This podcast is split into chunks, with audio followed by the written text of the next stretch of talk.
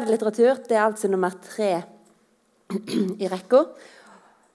Jeg har snakka om arbeiderkroppen, jeg har snakka om klasse og seksualitet. Og i dag er altså den nye og den gamle arbeiderlitteraturen.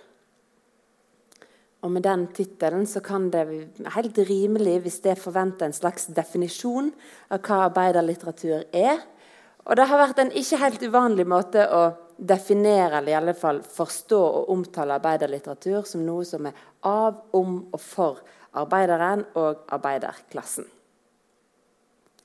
Og en, Å ha en sånn preposisjonsdefinisjon er i hvert fall om ikke annet veldig oversiktlig. Av arbeideren, ja, hva betyr egentlig det? At, arbeid, at forfatteren må ha arbeiderklassebakgrunn? Eller må han sjøl ha yrkeserfaring fra ja, hva da? Må det være manuelt kroppsarbeid? Skaper fort noen sånne der problem. Hva skal vi med den, hva skal denne delen av definisjonen bety? Om arbeideren og arbeiderklassen er i så fall en mye mer sånn intuitivt grei del av definisjonen. At skal ha, litteraturen skal ha arbeideren og arbeiderklassen som sitt motiv, kanskje. Forarbeideren ja, da får man kanskje noen problemer igjen. Betyr det at man, litteraturen skal være positiv til? Ha arbeiderens perspektiv? Eller betyr det at den skal være for i den betydningen retta mot? At den skal være, stå på trykk i et tidsskrift som eh, retter seg mot uh, arbeiderklassen? Vi har jo hatt en eh, arbeiderpresse i Norge. Vi har hatt tidsskrifter som har vært retta direkte mot arbeiderklassen. Arbeidermagasinet, f.eks. Eh, og vi har hatt, eh, hatt eh, forlag som har vært, eh, hatt som sitt eh, formål å gi ut arbeiderlitteratur. Men det er veldig vanskelig å finne litteratur som skulle passe inn her. Som dekker alle disse tre. Eh, og den har og Det blir også fort et spørsmål hvor tjenlig er det å skulle operere med en så smal definisjon. Men at det er litteratur som skildrer ulike sosiale lag, det er det jo ikke tvil om. Og hvis vi begynner i den andre enden, sant, så tenker man seg Ibsens drama. Da har man et blikk inn i borgerskapets stuer. Det er det borgers, borgerskapets eh, liv og problemer og miljø som vi får framstilt. Og Hvis vi da tar et nyere eksempel med Marit Eikemos siste roman, 'Gratis og uforpliktende verdivurdering', så er jo hele utgangspunktet for plottet i den romanen et ektepar som har funnet drømmehuset i eh, Lerkeveien eller eh, tilsvarende. Og hvordan skal det gå fram for å få kjøpt dette. Og dette er jo et helt klassisk middelklasseprosjekt og middelklasseproblem. De må ha større plass, de må eie sitt eget gress og ha eh, bodplass osv. Og så rulles det andre problem opp på ibsensk vis. Tilsvarende så er det litteratur som gjør arbeideren og arbeiderklassens spørsmål, problemstillinger, til sitt hovedanliggende. Så for meg når jeg tenker på arbeiderlitteratur, eller ønsker å forklare hva det er, eller definere det, så opererer jeg med en videre, kanskje rausere eh, definisjon. Og jeg kan tenke meg noe sånt som at med arbeiderlitteratur mener jeg litteratur som er kjennetegnet av å sette arbeideren og arbeiderklassens politiske, økonomiske og sosiale tilhøve i sentrum.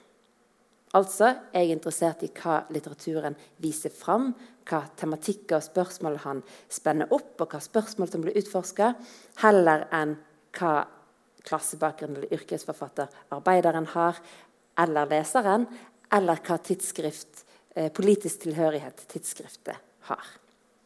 Som trykker dette, eller forlaget osv. Ok. Men hva har vi meint med arbeiderlitteratur? Som vossing så er det jo fint å kunne få si at Per Sivle han har rykte på seg for å ha skrevet den første norske arbeiderromanen. Og når jeg sier rykte, så er det fordi det selvfølgelig er skrevet ting både før og etter Sivle. Men det er veldig et slags eh, pedagogisk å ha en knagg, ha et, et startpunkt. Så for fortellingens skyld så er det helt greit for meg at Sivle står som en sånn slags førstemann. Og han, når den romanen 'Streik' kom ut i 1891, så var det nok første gang at roman, eh, eller sjangerbetegnelsen arbeiderroman ble brukt og trykt eh, på tittelbladet. Selv om det var mot Per Sivles vilje. Men hva skjedde før? Jo, nå har vi jo en Wergeland-forsker på tredje rad, så da er det jo fint at jeg har tatt med Wergeland eh, her borte. Eh, Wergelands eh, drev på med ei, og gav ut en rekke tidsskrift på 1830- og 40-tallet, der prosjektet hans var å opplyse arbeiderklassen. Eh, men han skrev òg fortellinger og dikt der arbeiderklassen ble gjort til eh, hovedpersoner. Amalie Skram debuterte med 'Madam Høyers leiefolk', den fortellingen, i 1882. Og samme tiår så kom jo Sjur Gabriel. Og det var en, eh, en, eh, fortelling der leietakerne blir brutalt sett på gata når de ikke kan gjøre opp for seg. Sjur Gabriel, første bind i Hellemyrsfolket, eh, kommer samme tiår. Og som de godt vet, så er det da mennesker som lever vanskelige liv både sosialt og økonomisk som er hovedpersonene. Jonas Lie og Bjørnstuen Bjørnson gir òg fabrikkarbeideren og opprør mot fabrikkeierne til eh, motiv og tema, eller motiv og narrativt eh, nav eh, i sine verk. Og Så skjer det selvfølgelig ting etter Sivle. Det er jo nå det begynner. Jeg pleier å si at det er rundt 1900 at arbeideren blir for alvor gjort til et hovedmotiv i norsk litteratur. Han er ikke lenger bare en flat uh, bifigur uh, eller en type, men arbeideren blir utstyrt med uh, et helt og fullt følelsesliv og, og er en ekte person. Rund og god karakter. Ninni Roll Anker, Ragnhild Jølsen, Oskar Bråten og Kristoffer Oppdal de gir i den perioden der 1960-1911 alle sammen ut eh, novellesamlinger eller fortellersamlinger der alle handlingene i alle fortellingene er sentrert rundt livet rundt ei elv der det er drift på ulike typer bruk eller fabrikker. Eh, sånn at det er alle karakterene i disse fortellingene på en eller annen måte lever av det som fabrikk, arbeidet som fabrikken kan gi. Så der, der brukene blir nesten som en egen eh, karakter i og med den betydningen det har for det miljøet som skildres. Jeg kaller det for bruksbyfortellinger. og Det er en sånn, nesten en særegen sjanger i arbeiderlitteraturen i denne perioden som er veldig tidlig i det vi kaller norsk arbeiderlitteratur. Selv om man har disse spred, spredte eksemplene på 1800-tallet. Dette er på ingen måte, på ingen måte en fullstendig eh, oversikt, men et slags hint om noen viktige punkt i det som skjer. I Danmark så skriver eh, Martin Andres eh, Neksø 'Pelle Erobreren'. og Vi ser at dette her er tida ikke bare for korte fortellinger, men òg for de lange, episke verkene. Uh, som både Uppdal med 'Dansen gjennom skuggeheimen', som Erlend sa, som jeg blant de det jeg har jobba med i doktorgraden min. Uh, og Jan Falkberget skriver jo lenger lengre episke verk som skildrer for Uppdal sin del rallerdrift og Falkberget gruvedrift. Falberget har han visst blitt. Beklager, Falkberget. 1930-tallet starter litteraturen, har jeg skrevet, og det er den svenske gullalderen for arbeiderlitteraturen. I Sverige hadde man et statersystem, og det er klart det er veldig nærliggende å tenke at vi har en slags felles litteratur med Sverige. Men når det kommer til arbeiderlitteratur, så har vi òg en helt forskjellig litteratur. For klassesystemet i Sverige det skiller seg helt uh, enormt fra det vi har i Norge. Vi har ikke holdt oss med adel. Jo, det har vært forskjell på folk i Norge òg, men vi har ikke hatt den systematiske eh, sosiale lagdelingen eh, som vi har hatt i Sverige. Og vi har heller ikke hatt det, det statersystemet som man har i Sverige. Det er en hva skal jeg si, verre versjon av husmannsordningen som man hadde i Norge. Men man eh, jobba for en jordeier og fikk betalt i all hovedsak eh, i natura. Eh, og dette var utbredt. Det tok av utover på, det var, hadde sitt høydepunkt på 1800-tallet i Sverige. tok av innover på 1900-tallet. Og på 30-tallet så skriver både Harry Martinsson, Ivar Lo Johansson og Moa Martinsson det som kalles for stater, bidragene i det man kaller staterlitteraturen. Og det skildrer dette her urettferdige usosiale systemet. Og det menes i Sverige at dette var veldig viktig, disse litterære beskrivelsene eh, fortellingene for at da systemet ble avsatt, eller gjort ulovlig eller avskaffa eh, i 1945. Nils Johan Ruud har jeg satt her, han skrev ikke Arbeidermagasinet, men han var redaktør for Arbeidermagasinet. Og med Nils Johan Ruud som redaktør så ble det en veldig viktig plass for den norske arbeidernovella. Og det var mange som senere skulle bli viktige arbeiderforfattere, som debuterte under Nils Johan Ruuds eh, redakt som redaktør i Arbeidermagasinet. Nini Rollanker har jeg tatt med fordi det er min favorittarbeiderroman, eh, som jeg tilfeldigvis òg har skrevet om. Eh, men òg fordi den kan ses som et forløp til Torborg Nedreås av 'Måneskinn gror ingenting'. For dette er to forfattere som viser at Klasse og seksualitet henger tett sammen. Det skjer selvfølgelig ting utover her, og her kunne det vært mange flere prikker bortover. Jeg nevner Nedreås. Jeg kommer litt tilbake til Alf Prøysen med hans eh, arbeiderroman 'Trost i taklampa'. Om Kåre Holt står det i Store norske leksikon at han var citat, 'en av de siste betydelige arbeiderforfattere i norsk litteratur'. Og han må gjerne kalles betydelig, men at han var en av de siste, er jeg ikke helt enig med leksikonets beskrivelse. Han var en av disse som fikk eh, først var på trykk i Arbeidermagasinet under eh, Ruud. Men han skrev òg en trilogi der arbeiderbevegelsens historie blir eh, vist fram i tre nedslag. Vidar Sandbekk han er kanskje for mange mest kjent som en visesanger, og det er han som skrev eh, 'Pengegaloppen'. Eh, men han har òg en eh, sjubindsserie om Påsan som eh, vokste opp med en skogsarbeiderfar. Og de, de bøkene har titler som 'Fy skam deg', 'Stakkars kroken', 'Trøste oss' og 'Husbondens røst'. Så du hører at her er det eh, pakka med drama. Det tiåret som kanskje flest tenker på når man sier arbeiderlitteratur, i hvert fall hvis man snakker om arbeiderlitteratur etter krigen, det er nok 1970-tallet.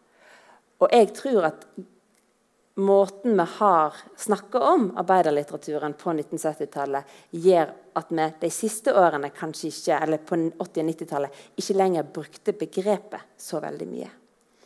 Dette var eh, Solstad, Obrestad, Håvardsholm, Michelet, Brekke, Fløgstad Sveen navn som skrev arbeiderlitteratur.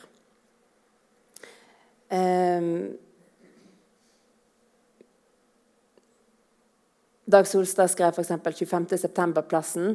Michelet han brukte krimsjangeren til å, til å, løfte fram klassespørsmål og klassekamp. Og han var mellom de som eksplisitt uttalte at vi må bruke eh, Vi må kunne skrive opp en bestilling for partiet. Og partiet var da selvfølgelig AKP-ML. Men så er det òg flere av disse som i ettertid, både Solstad, Obrestad eh, og Håvardsholm, som på en måte har tatt gjennom litteraturen og ellers eh, litt sånn ironiske oppgjør med det de drev på med i denne 70-tallsdiktningen, som har gjort den litt vanskelig å ha eh, hånd om. I historieverket 'Sosialdemokratiets tidsalder' så skriver eh, historiker Francis Sejersted Sitat, I Norge sto ML-bevegelsen påfallende sterk blant de unge skjønnlitterære forfattere. Også i parentes har han skrevet Dag Solstad, Kjartan Fløgstad, Edvard Hoem, Tor Obrestad og andre. Og I etterkant av at dette stod, kom ut i, i, 2005, så ble det et heftig ordskifte i Klassekampen. Og det kom av at Fløgstad var feilaktig inkludert i denne paratesen. Fløgstad var aldri en AKP-MLR. Eh, og han mente at dette var grovt skadelig for hans navn og rykte. Obrestad på sin side mente at Sejersted kanskje bare hadde utvist humor. Eh, og Sejersted syntes at uh, feilen skapte et unødvendig voldsomt oppstyr. Men altså det er viktig ikke, å huske at ikke alle som skrev arbeiderrelaterte arbeid, skrev om arbeiderrelaterte og arbeiderklasserelaterte spørsmål på 70-tallet, var tilknytta AKP-ML. Og Fløgstad med Dalen Portland han har vel skrevet det som man kunne si er et av de beste romananslagene på hele 1900-tallet, når han eh, beskriver unggutten som på en måte springer inn i sin tid. Det tar oss nett tid til det. Gutten de hadde følgt med auga, følger åkerreina og skogkanten i sitt lei, og spring på tannende flåg innover mot grinda til utmarka.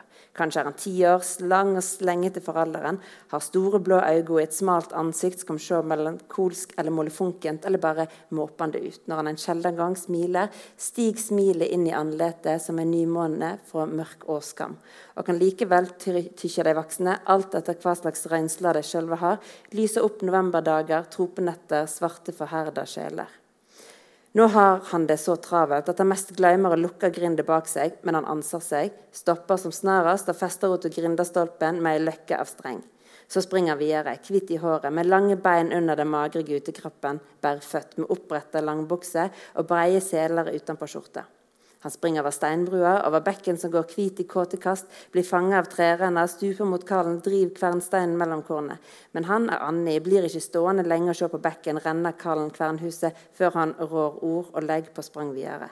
Den første bakken er bratt og steinete, men han merker det ikke. Han springer hele veien. Du som er så sprek, har mora sagt, kan ikke du springe opp med en beskjed? Så lager sikkert han bestefar ranglestav til deg. Og jo, han kan, han kan gi beskjed. Han springer oppover tomhendt og bærføtt. Det er sensommer, det er regner, sola skinner, og nå er det varmt igjen og friskt under fotsålene. Han springer stølsvegen så søler og skorpa skvett.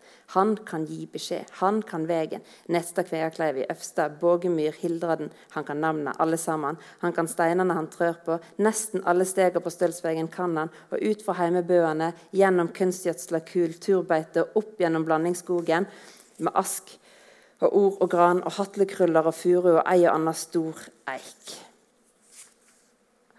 Han springer forbi beinhullet, og der ligger bein etter en mann eller en kalv. Den døde gamlelæren springer han forbi. Han kommer til stemmen, der to blakke hester står med mulene mot hverandre. Guteføttene stikker på som stikker på ei skarptromme på 17. mai, og blodet lager trommelyder i øra. Er han langt nok fra? Han kjenner ingen kald hand på aksla, ingen kjeft med skarpe tenner, glefser om leggen. Forsiktig åpner han øynene og gløtter til side. Nei, ikke faen, ikke hun. Han springer over de høye, tørre furumoene og stien som ormer seg rundt de svolmende steinene, over bekkefar, røter som regn og kløver, føtter som må grave ut på tvers av veien. Her er lett å springe. Augo leiter ikke etter neste stedene og setter foten. De ser etter to steg fram, føttene følger etter, treffer stedene Augo har plukka ut for dem. Opp springebakken der sauene aldri på sprang med dissende jur og ringlende bjøller og lam på stive bein. Grav, bjørnegraver på toppen og den er nedoverbakken til Stigsleiva. Hå. Han kjenner seg eh, med ett så trøtt så trøtt og tutler den lange veien Stiklekleiva, men snart kan han se helt fram. Han kan se over fra øverste stien. Og nå mister jeg Gutten har endelig fått igjen pusten. Han setter seg ikke, han er grann i målet. Orda kommer i støyter. Jeg skulle seie, sier han. Jeg skulle seie for mor at jeg skulle seie til han farbror Selmer at han kunne få seg et par skift på fabrikken. Og jeg skulle seie at det kunne visst bli flere òg, at han måtte skunde seg, for han skulle komme på ettermiddagen i dag klokka tre. Dette er altså gutten som springer gjennom hele kulturlandskapet. Han springer gjennom hele eh, tidsrekninga og fram for å gi beskjed om at en ny tid er her. Nå er det tid for å kunne jobbe på fabrikken. Men hva skjer etter 1970? Hva skjer når, når man har begynt å jobbe på denne fabrikken? Klassekampen sånn som han utspilte seg på første halvdel av 1900-tallet, er på mange måter ferdig. Klassekampen, eh, sånn som man utspilte seg på 70-tallet, har òg endret karakter.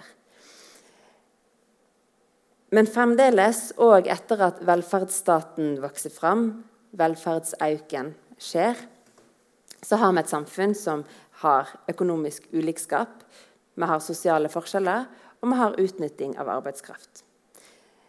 Men i mindre grad har vi hatt tradisjon i Norge for å kalle den litteraturen som skildrer dette, for arbeiderlitteratur de siste ti årene. Og som jeg var inne på innledningsvis, Det er ikke sikkert det er så relevant å ende opp i en diskusjon om noe er eller ikke er arbeiderlitteratur. For da kommer vi ofte ikke lenger er min erfaring, enn å diskutere hva som er innenfor og hva som er utenfor. Og Det kan være reduserende å få den merkelappen arbeiderlitteratur. Vi må jo ha lært noe av hele den kvinnelitteraturforestillingen. Men det jeg mener er at vi kan se dagens litteratur som handler om arbeid, som handler om klasse, som handler om sosial forskjell, eh, i lys av det den historiske arbeiderlitteraturen har vist oss. Og Da tror jeg vi vil se ting som er gjenkjennelig. Jeg tror at kunnskap om og bevissthet om den historiske arbeiderlitteraturen gjør det lettere for oss å se eh, at dagens litteratur faktisk tar opp i stor monn og undersøker eh, det som har med klasse og arbeidsliv å gjøre. Så kanskje kan vi snakke om noen arbeiderlitterære motiv. Og siden dette er litt sånn forelesningsaktig, så kan jeg si at det som var på de to første forelesningene, det har jo, Vi har jo snakka om dette som har med seksualitet og skam å gjøre. Og Skam kunne jo vært et eget tema, for det knytter seg òg både den nye og eldre litteraturen mye skam til det f.eks. ikke være i arbeid. Men jeg har altså her snakka om skam og seksualitet knyttet til klasse. Jeg har snakka om arbeiderkropp, og derfor skal vi begynne på toppen her med klassereise.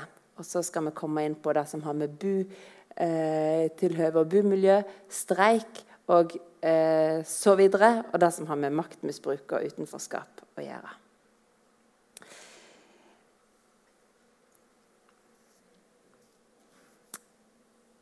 Så der arbeideren i den tradisjonelle arbeiderlitteraturen gjerne har vært industriarbeideren, men òg arbeiderkona som eh, er heimeværende, eh, eller den omreisende ralleren eller husmannen, så er det rimelig å si at litteraturen som i dag tar opp spørsmål som handler om klasse og arbeid, skildrer omsorgsarbeidere, utenlandsk arbeidskraft med uten eller med dårlige kontrakter, arbeidere i hotell- og restaurantbransjen, de som arbeider i system som tvinger deg til å ta på seg svart arbeid, arbeidstakere som er i sektorer som systematisk bruker bemanningsbyrå eller midlertidige eh, ansettelser og korttidskontrakter.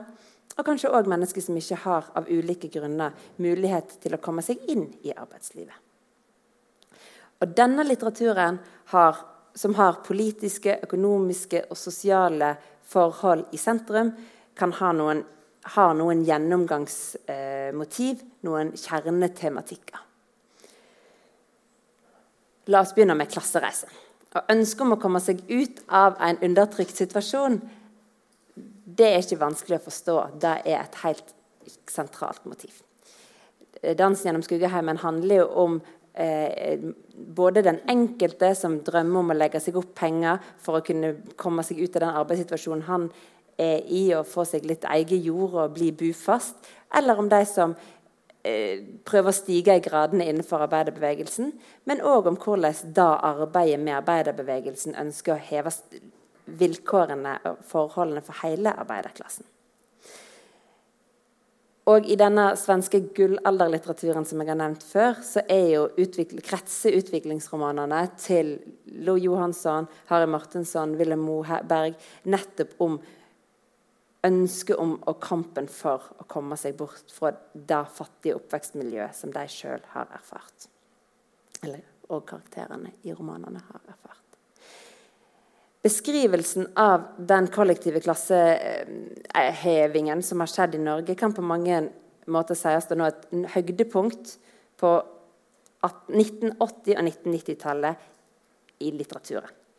Drabantbylitteraturen og oppvekstfortellingene, som det gjerne blir kalt, er samtidig beskrivelser om hvordan den økonomiske og sosiale standarden i Norge skifter fra en generasjon til den neste. Og det er gjort gjennom ofte med utgangspunkt i barneperspektivet. Per Pettersons debut 'Askemunnen sann i skoa' der introduserer han karakteren Arvid Jansson.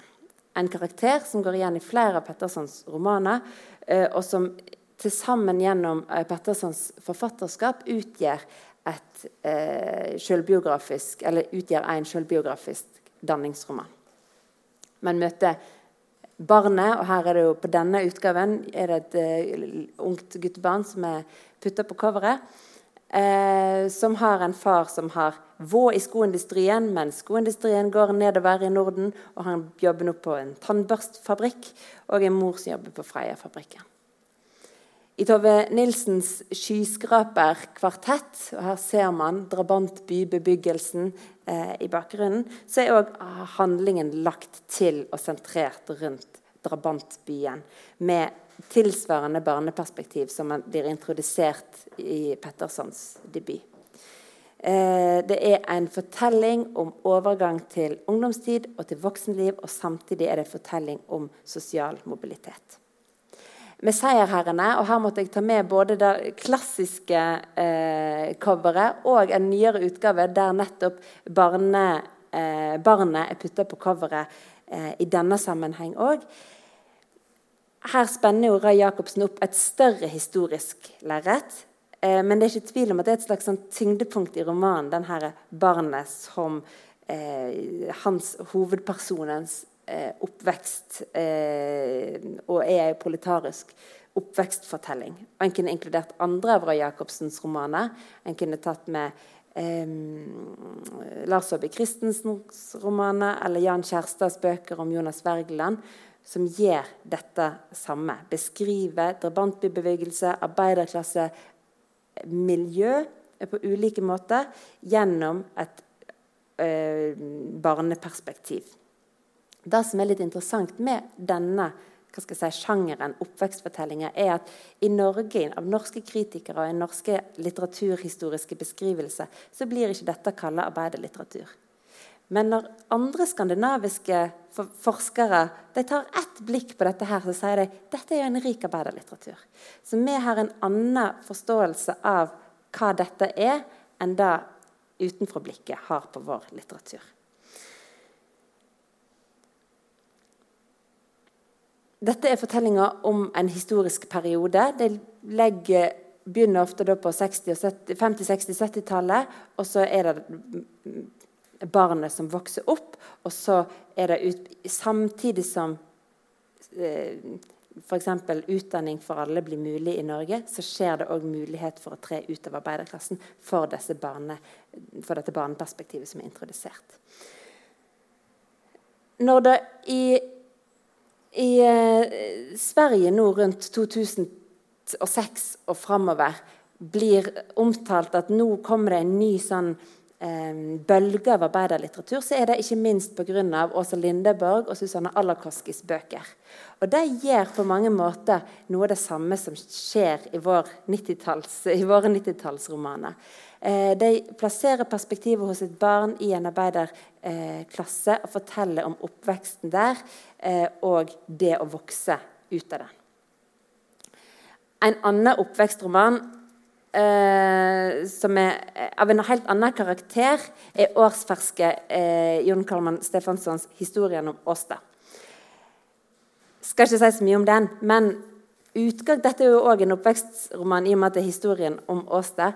Eh, og Utgangspunktet her for at Åstads historie i det hele tatt blir, det er typisk arbeiderlitterært. For her er det nemlig en streik som gjør at foreldrene til Åsta i det hele tatt har tid til, og kanskje krefter til, å ha det samleiet som blir Åstads unnfangelse. Så streik er som jeg kommer tilbake til, et sentralt motiv i, i det, vår eh, skandinaviske arbeiderlitteratur, og har eh, alle slags eh, konsekvenser og følger. En megasuksess når det gjelder klassereise, er eh, denne kvartetten. Elene Ferrantes eh,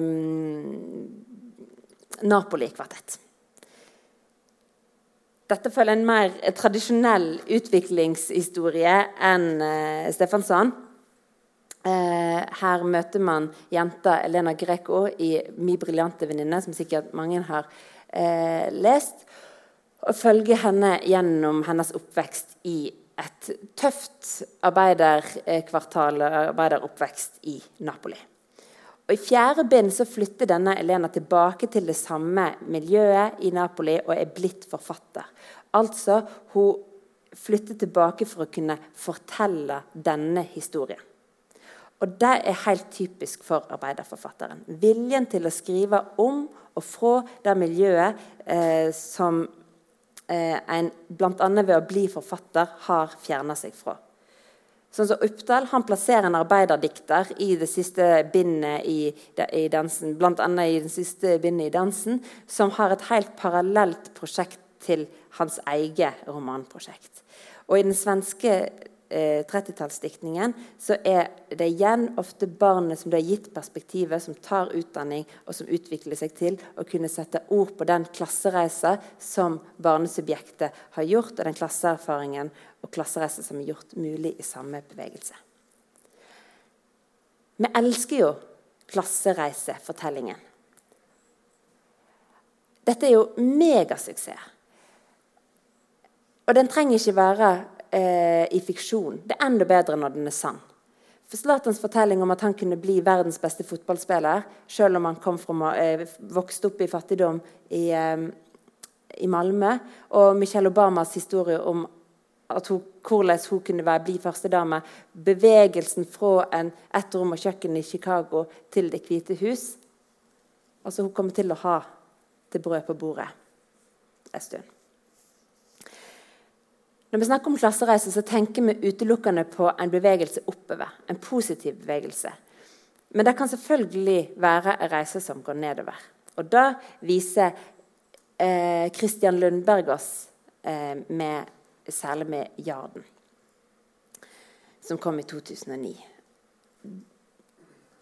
Med en hovedperson som òg heter Christian, eh, og òg er forfatter, og i likhet med forfatteren har godt gjort en skandale som gjør at han ikke lenger kan livnære seg av å være forfatter og skrivende, så må han ta jobb på havna. Og der møter han et Selv om han sjøl kommer fra arbeidermiljø og fattigdom i Sverige, så har han gjort klassereise og blitt forfatter, men nå gjør han den i retur.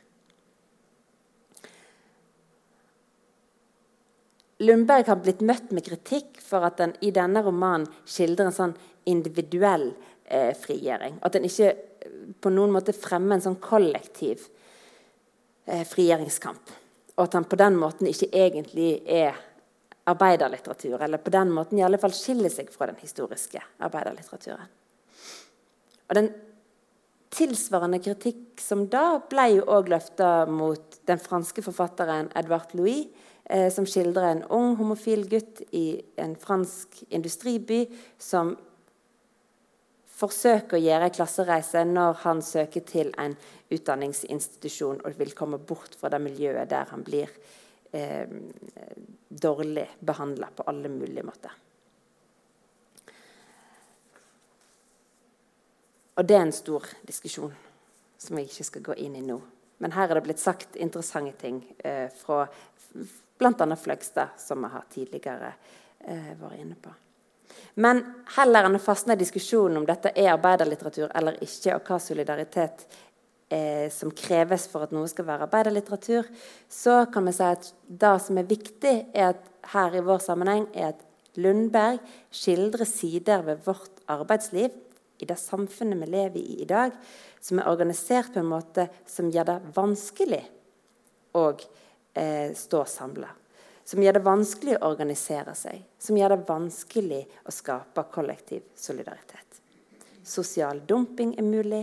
Bruk av bemanningsbyrå eh, gjør at den som eh, sier ifra om noe, den som sier ifra om urett, som krever bedre lønn, bedre sikkerhet, vern eller et høyere lønnsnivå, han blir bare, blir bare ikke ringt tilbake.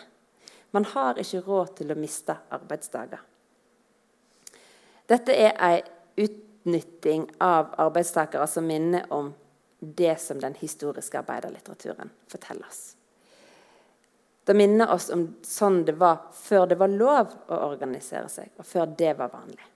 Nina Rolanker sine fortellinger fra 1906, som er eh, minner om miljøet i Tistedalen i Halden og brukene der, forteller om hvordan arbeiderne var så takknemlige for å få jobb, bli tilgodesett med rett lov til å arbeide på bruket, at de ble blindt lojale. At de ble lojale inntil døden på en måte som går og ikke bare skader den enkelte arbeidstakeren, men gjorde at, ikke, at arbeidstakeren ikke eh, klarte å ta hånd om sine, eh, sin egen familie.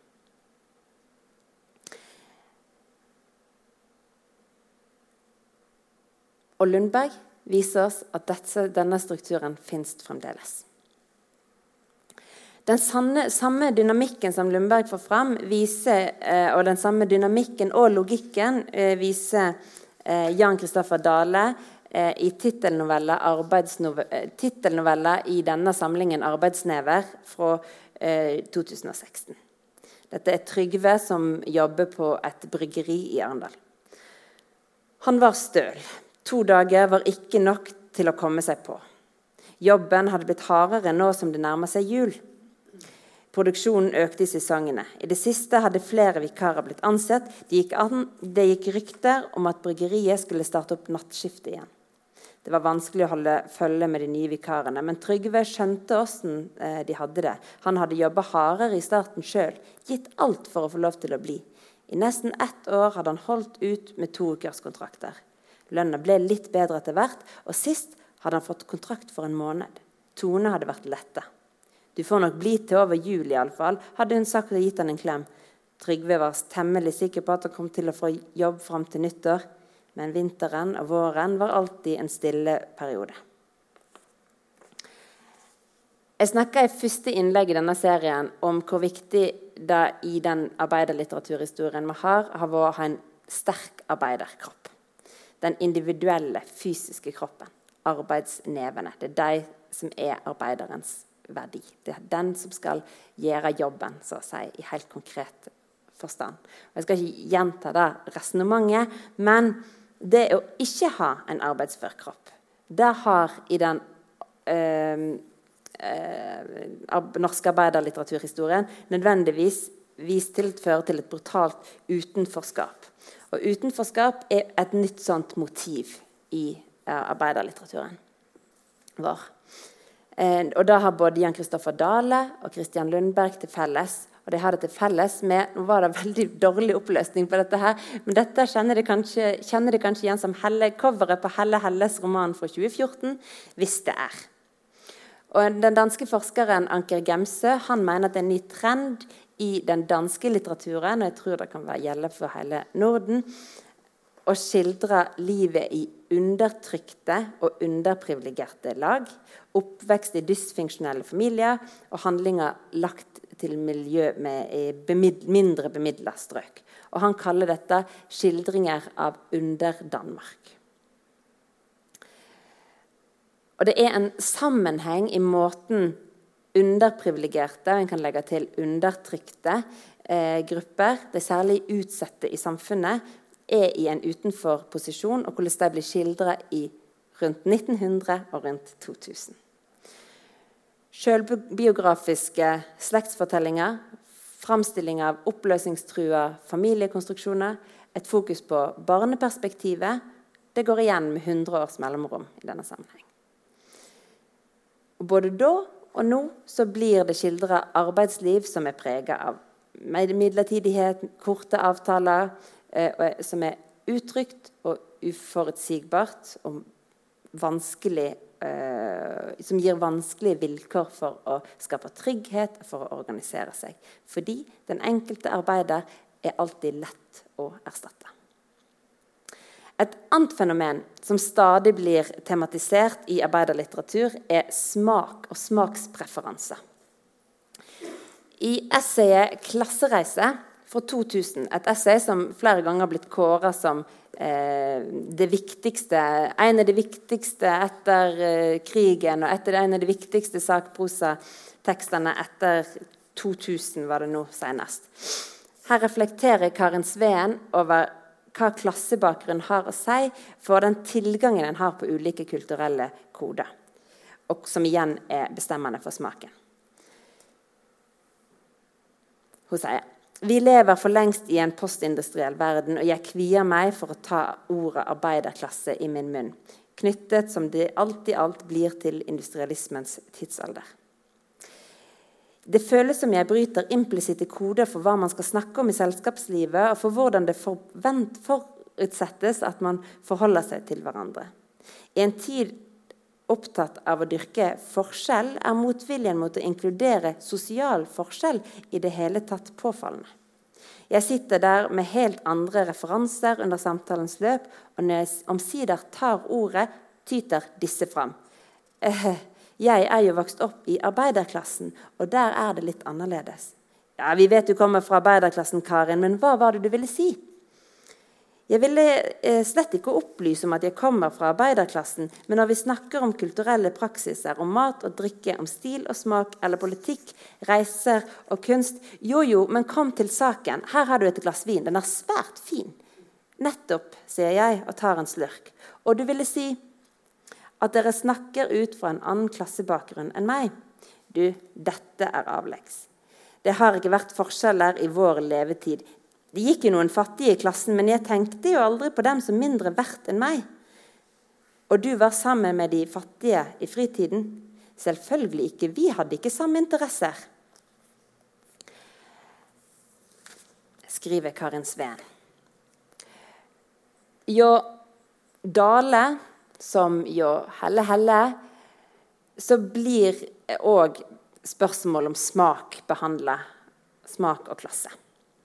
Det handler om f.eks. om hva eh, det smak knytter til hva, hva frisyre en har, hva bil en har, og hva en eter.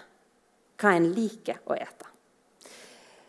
For er det Nav i en av fortellingene i 'Arbeidsnever'. En guttegjeng som skal på hyttetur, og så blir det konflikt når en litt sånn utenfra kommer og foreslår et alternativ til Grandiosaen som de alltid pleier å ha, og han foreslår noe så snobbete som lammekaré. Den turen går til helvete på alle mulige måter. De ender i grøfta med bilen, bokstavelig talt. Smakspreferanser er ikke et nytt motiv i litteraturen og heller ikke i sosiologien. Dette er kampen om distinksjonene som Pierre Bourdieu ettertrykkelig har vist oss. Og I den norske litteraturen så har dette blitt gjort til tema, gjort humor på og blitt gjort samfunnskritiske poeng på en rekke ganger. I Vigdis Hjorts roman 'Julskift' fra 2007 så er litteraturprofessor Louise omtrent i sjokk over at hun sjøl kan bli forelska i en bilselger. Og For å på en måte kompensere for dette så gir hun eh, for seg sjøl narr av hans smakspreferanser. For så syns hun det er på grensen til patetisk at han, fordi han tror det er fint Sannsynligvis fordi han ville gjøre det hyggelig når hun kom på helgebesøk, men hun tenker det er fordi han tror det er fint, har kjøpt råsbiff når hun kommer. Her er det en smakspreferanse på kollisjonskurs. Men da om smak og konstruksjonen av hva som er god smak og hva som er passé, har kanskje ingen fått bedre fram enn Alf Prøysen i 'Trost i taklampa'. Når forfatteren og bygderomantikeren Lundjordet kommer tilbake eh, til bygda og skal forklare et og annet om hva som har verdi. Da han kom fram, var bordet solgt. Ja, ikke bare bordet, Kister og trekopper og borte alt i hop. Det hadde kommet en slik oppkjøper en dag og fått alt for en slikk og ingenting. Lundjordet var både sorgfull og sint. Sorgfull fordi bygdefolket ikke hadde kommet så langt at de hadde ærbødighet for det gamle. Og sint fordi oppkjøperen hadde narra det ta dem, så ikke han fikk det sjøl. Han som hadde ærbødigheten. Og han hadde mye gammelt i leiligheten sin i byen Lundjordet. Han kunne bli helt varm langt inn i bringebeinet når han fortalte om antikvitetene han hadde, som om ikke hadde kosta nesten noen ting, fordi folk som solgte det, ikke hadde forståelse. Nå hadde han prøvd å forklare kjerringa oppe i Åsmarka og gærlig det var å selge slike ting, men hun hadde ment at hun gjorde et godt bytte. Hun hadde fått att en sofa og seks stoler i ildrød plysj. Det var nå vel fint. Nei, mente dikteren, plysj er ikke fint. Det er dårlig smak. Og det er derfor byfolka selger det så billig på auksjon. Men det har vært fine hus, mente kjerringa. Det må nå vel ha syntes det var fint en gang, de som hadde det òg. Ja, men nå er det ikke fint lenger, sa Lundjordet. Nå har disse folka i byen innsett det, og derfor vil de ha tilbake det gamle. Nå har de sett seg mette på rød plysj. Det har ikke jeg sa kjerringa og strøk over plysjduska som var att på sida av sofaen.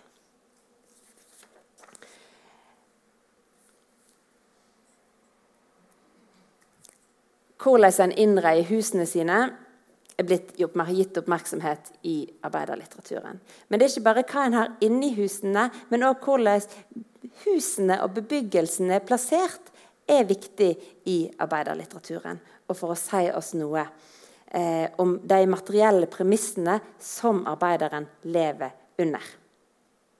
Hvordan en by er organisert, eh, og hva bygg som finnes der, er avgjørende for hva liv de som bor der, kan leve. Jeg nevnte fortellingene til Nilly Rolanke fra 1906. De heter Lill-Anna og andre. og Der bor alle i en dal. Eh, der man anten, en, en, en, trang dal der man enten har sol på morgenen eller sol på kvelden. Men det er ett bygg som har sol hele døgnet. For det ligger på en liten eh, sånn lysningtopp midt i dalen, eh, litt opp for det andre. Og det er prestegården. Men prestegården, presten i bygda har selvfølgelig ingen innsikt i organiseringen av bygda, så han syns at alt ser ut som bare en unge som har strødd fra seg noe rot, at ingenting er organisert ordentlig. Men den måten å organisere bebyggelsen på, eh, som eh, Rolanker beskriver der, kan man se igjen. Dette er et kart over eh, industribyen Rjukan. Og Her ser en Villaveien, og her ligger det selvfølgelig større enebus der. Grunnen til at Villaveien er blitt liggende akkurat her, det er fordi dette er den plassen med eh, mest sol i den trange dalen som Rjukan ligger i. Fordi at de som ligger her, de er i skyggen av Gaustatoppen. Og her ligger murboligen Sing Sing, som har en sånn eh, konstruksjon at den har en sånn bygård i midten. Eh, som gir en sånn slags litt lukka eh, følelse. Eh, og navnet sies at eh, den fikk fordi den gav assosiasjoner til eh, fengselet i New York. Men det er en annen, Dette er jo 1906, men en annen murbolig er kanskje freskere i minnet vårt. og Det er Frode Gruttens murbolig i Bikubesang. Der alle fortellingene i den eh, samlingen springer ut av livene til de som bor i den samme murboligen i industribyen Odda. Og Selv om noen av fortellingene der har en sånn eksplisitt arbeidertematikk, det er partisekretæren som blir flydd inn med sjøfly til 1. mai-feiringen. Og det er eh, karakteren Harry som jobber på smelteren, og som blir ringt opp fra en VG-journalist fordi de har funnet ut at han er Norges mest gjennomsnittlige mann. Så er kanskje likevel det viktigste med denne samlingen, på samme måte som Bruksbyfortellingen, at det viser fram individualiteten i arbeiderkarakteren. Og de som bor i, en, i et arbeidermiljø. Og at man derfor skal vokte oss for sånne samlekategorier som arbeideren, når vi bruker den, hvis vi bruker det uforsiktig. Streik, det å kunne organisere seg, det å føre en fagforeningskamp, er et kjernemotiv. Vi har vært innom Per Sivle sin streikroman. Jeg har i hvert fall nevnt den, men jeg har brukt tid på han tidligere. Eh, 'Dansen gjennom skuggeheimen' der er jo dannelsen av hele fagforeningen et viktig sånn, spor i romanserien. Og Ninni Rolanker sin roman der viser hun jo hvor vanskelig det er det spørsmålet en står i om en skal kunne tørre å gå ut i en streik når arbeidsgiver truer en med at en mister jobben. Hvis en gjør det. Sånn var det. Dette er 1890, dette er 1920, dette er 1935. I dag har jo alle mulighet for å organisere seg. I dag har jo alle mulighet for ryddige arbeidsforhold, skulle en tro. Som jeg har nevnt før, vi har svart arbeid, vi har sosial dumping, vi har bemanningsbyråer, vi har midlertidighet vi har korttidskontrakter. Og det, gjør, det er ordninger som kan gjøre det vanskelig å stå opp for rettene sine. Og dette tar f.eks. den eh, svenske eh, tegneserieforfatteren Daria Blonska opp i sin eh, tegneserieroman 'Lønnsslaver', som kom på norsk i, i 2018, omsett av Ellen Engelstad. Forfatteren er polsk, og hun flytta til Sverige for å gå på tegneserieskole. Skole. Kjæresten Erik bodde i en annen by. og Hun trengte å tjene penger, men for å kunne få et personnummer som du trenger for å kunne eh, betale skatt, og det er det som hun ringer og forteller kjæresten om her, så måtte hun ha tjent penger og betalt skatt. Så hun var i en sånn umulig sirkel. Fortellingene i denne romanen bygger på Daria sine egne erfaringer av å være arbeidstaker i Sverige. Um, og hun tvinges da til å arbeide svart. Ja. Og hun, det er hverdagen hennes som blant innvandrere og løsarbeidere i restaurantbransjen i Malmö som blir fortalt om. Hun jobber for 50 kroner i timen. Og I et intervju har Daria fortalt at innvandrere fra andre land som var mørkere i huden og snakka dårlig engelsk enn hun, tjente mindre. Og det ble trua med eh, vold og fikk aldri noe arbeidskontrakt. Etter noen måneder i denne her arbeids, eh, I denne serveringsjobben så tok hun kontakt med en lokal fagforening i hemmelighet, for hun var jo egentlig en ulovlig arbeider. Eh, og tok opp kampen sammen om eh, bedre og regulerte lønns- og arbeidsforhold. Og ble, Restauranteren ble tvinget til å komme til eh, forhandlingsbordet, og fortellingen til Daria ble løfta opp i offentligheten. Og I tegneserieform så får hun da fram eh, hvor krevende, for ikke å si umulig, det er å føre tradisjonell fagkamp, eh, faglig kamp når man er papirløs. Og det er vanskelig å skape eh, noe arbeiderkollektiv eller en ordentlig eh, avtale. Tariffavtale. Om en kaller det og nå skal jeg avslutte, arbeiderlitteratur eller ikke Mye av vår samtidslitteratur tar opp spørsmål som henger tett sammen med klasse. Det handler om arbeid, det handler om sosial og økonomisk kapital og identitet. I Kristian Lundbergs roman 'Jarden' så avslutter den med at han sitter på en benk, og så kommer hans barndomsvenn Rolle forbi. Rolle er blitt kriminell, men han setter seg ned og prater. Og Rolle spør om han driver, Christian driver og skriver på noe. Jo da, jeg skriver om arbeidet. Arbeidet? spør Rolle. Ja, og hva det gjør med oss. Ærlig talt, Christian, Hvem faen bryr seg? Mer enn 100 år etter at Sivle skrev 'Streik', så utforsker litteraturen vår fremdeles og kunsten vår for fullt hva arbeidet gjør med oss. Hva det betyr. Hva gjør det med kroppen vår? Hva gjør det med sjølbildet, sjølforståelsen, sjølrespekten? Hva gjør det med samfunnet vårt og kollektivet at arbeidsdeltakinga er høy? Og hva gjør det med at vi har, eller har vi, et inkluderende arbeidsliv? Hva retter og plikter har vi som deltakere i et samfunn? Og hva har vi retter og plikter har vi som arbeidstakere? I den nå ti år gamle essaysamlingen til eh, Marit Eikemo så går hun inn i ovn 3, som er kjernen i smelteverket i Odda. som i sin tid var den største karbinsmelteovnen i verden. Den er nå kald, og den fysiske opplevelsen av å være i ovnen setter i gang sansene til Eikemo og tankene på Odda og oddingenes historie.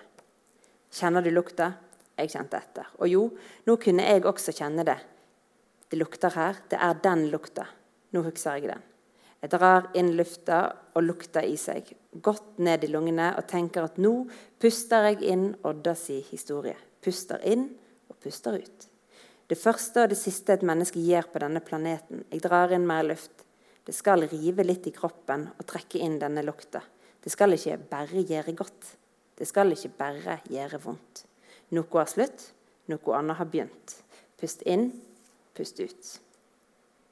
Minnet om fortida blir framkalt gjennom luktesansen. Og Eikemo får fram i dette essayet hvordan menneskene har historier i seg en felles arv, og han kan kjennes i kroppen.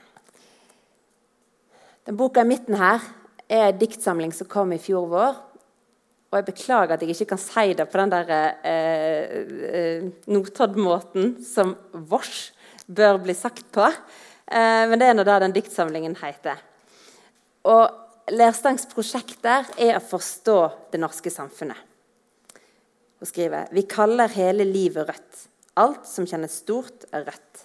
Flasset i huet, slaget i skallen, salicylsyra mot skorpene, sotet i lungene. Sånn kunne jeg ramse opp videre. At starten på den norske velferdsmodellen var vannet, og så bestemors røde hender som vrir ut vannet. Hennes arbeid, hennes skatt, betydde mer enn olja. Arbeidet har prega og satt merke på den enkelte arbeiderkroppen. Og hun løfter her fram hva verdi arbeidslite har hatt for samfunnskollektivet. Og Som Eikemo så skriver også Lerstang fram kroppen som et bindeledd mellom individet og arbeiderhistorie. Da søskenbarna lærte meg åttetimersdagen begynte hos oss. Som om jeg, skulle, som om jeg fikk bekrefta det kroppen alltid visste. Revolusjonen starter her. Det er oss forrest i toget. For det heter ikke 'jeg' nå lenger. Heretter heter det 'oss'. Vi går sammen ut portene. Lersteng refererer til krafta som kollektivet får ved å opptre samla. Hun har et blikk for historie, men gjør arbeiderkampen relevant for arbeidstakere i dag. Og Kritikerne til Lersteng for et år siden påpekte nettopp hvem er arbeideren. Og jo, det er de deltidsansatte, det er lavlønnsarbeidere, det offentlig tilsatte, det er de unge, det er det såkalte prekariatet. Det blir tydelig Nå er jeg på slutten, nå må jeg love det. Um, at om en ser dagens fortellinger som spørsmål som tangerer Hvis en ser på dagens fortellinger, de som tangerer spørsmål om klasse i lys av og i relasjon til den eldre arbeiderlitteraturen, så har det verdi. Og Dette gjør Christian Lundberg. I etterordet til Jarden så sier han, eh, som en sånn forklarende eh, kommentar, at normale ansettelsesregler de gjelder ikke for oss.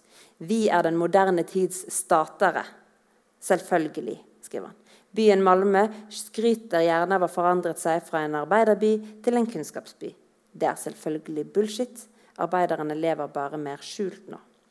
Lundberg vil på denne måten at vi skal sette teksten, romanen han nettopp har lest, i sammenheng med den svenske arbeiderlitteraturhistorien. Og som du husker for, tilbake for tre kvarter siden, så setter han seg sjøl inn i historien og inn i tradisjonen etter Moa Martinsson og Ivar Lo Johansson, som tilhører Staterskolen, eller utgjør Staterskolen.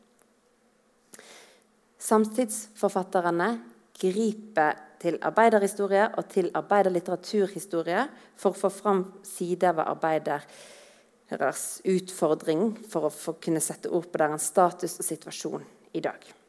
Og jeg tror at Hvis vi har blikk for de maktstrukturene, maktdynamikkene og utnyttingsressursene som blir skildret i arbeiderlitteraturen i dag, at det blir lettere hvis vi har Sivle, Uppdal, Rollanker og Nedras i bakhodet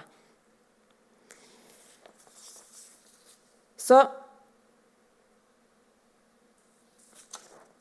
den avmektsfølelsen som melder seg når en opplever utenforskap, når en ikke blir hørt av autoriteter, vanskene med å få til politisk endring når en ikke makter å stå sammen som et kollektiv, det preger den nye litteraturen like mye som den eldre, og rammer både individuelt og kollektivt.